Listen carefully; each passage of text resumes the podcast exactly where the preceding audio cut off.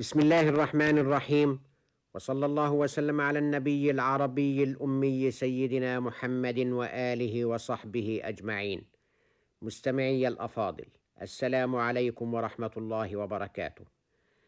اعتز الإسلام بأبي عبيدة جنديا من جنوده وصحابيا له من تفكيره الناضج وحكمته الغالية ما يجعله في الذروة من رجال عصره.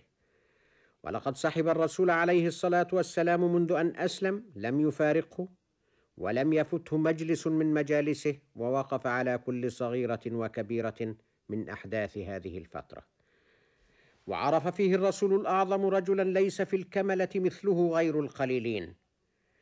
وأن له من الراي الصائب ما يجعل الرسول يقدمه في كثير من الأمور الجليلة. وإنا لنراه يختاره ليقضي بين قوم من نصارى نجران. جاءوا يحاجون الرسول عليه السلام في أمر بدا لهم ثم كفوا عما أرادوه. حين خوفهم كبيرهم واسمه العاقل مغبة ما هم مقدمون عليه ونبههم إلى أنهم يعرفون فيما بينهم وبين أنفسهم أن محمدا عليه السلام نبي مرسل. وحذرهم انه ما لاعن قوم نبيا قط فبقي كبيرهم ولا نبت صغيرهم ثم نصحهم أن يوادعوه وينصرفوا فاستجابوا لكبيرهم ثم طلبوا إلى الرسول عليه الصلاة والسلام أن يبعث معهم رجلا من أصحابه يرضاه لهم ليحكم بينهم في أمور اختلفوا فيها. وأموال لهم لم يتفقوا عليها فيما بينهم وقالوا له إنكم أي معشر المسلمين عندنا رضا.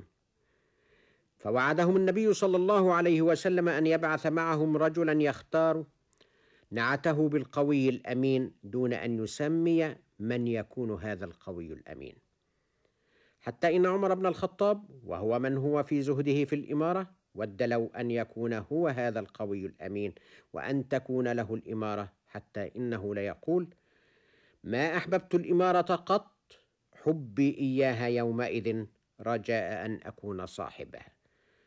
ثم لما صلى الرسول بهم الظهر سلم ونظر في من حوله فجعل عمر كما يقول يتطاول له عساه يراه ولكن سيدنا محمدا لم يزل يلتمس ببصره حتى رأى أبا عبيدة فدعاه وقال له اخرج معهم فاقض بينهم بالحق فيما اختلفوا فيه. قال عمر فذهب بها أبو عبيدة. وكان اختيارا موفقا من الرسول عليه السلام وكانت التسمية ذات دلالة ومعنى وكان أبو عبيدة القوي الأمين. ويوم بدر وما أدراك ما يوم بدر يوم التقى المصفان المسلمون والكفار وجها لوجه في أول معركة سافرة. يوم أغرى إبليس قريشا بالخروج فأطاعته ومن يطع الشيطان كان الشيطان له قرينا في هذا اليوم اتخذ المسلمون شعارا يجمع صفوفهم هو أحد أحد. وشهد هذا اليوم الأب والابن يقاتل كل منهما الآخر. كان أحدهما من حزب الله والآخر من حزب الضلالة. حتى لقد حدثوا أن أبا بكر نادى ابنه عبد الرحمن وكان يومئذ في صفوف المشركين. أين مالي يا خبيث؟ فقال عبد الرحمن لم يبق غير شكة ويعبوب وصارم يقتل ضلال الشيب. ومن ناحية أخرى كان أبو عبيدة يحارب في هذا اليوم.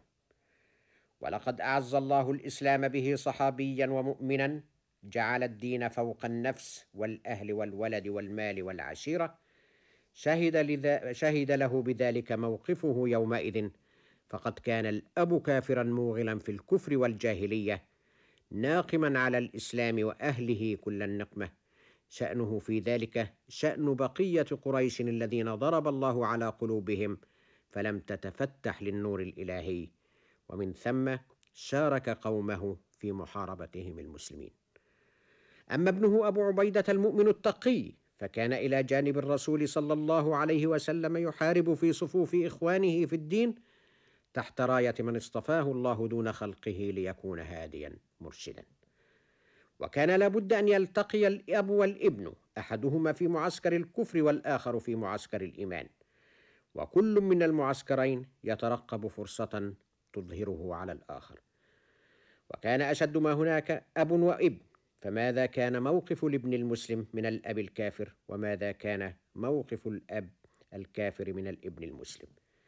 ذلك حديث نطويه الآن ليكون جزءا من حديث الغد في سيرة هذا البطل العظيم أبي عبيدة بن الجراح. ونستودعكم الله مستمعي الكرام والسلام عليكم ورحمة الله وبركاته.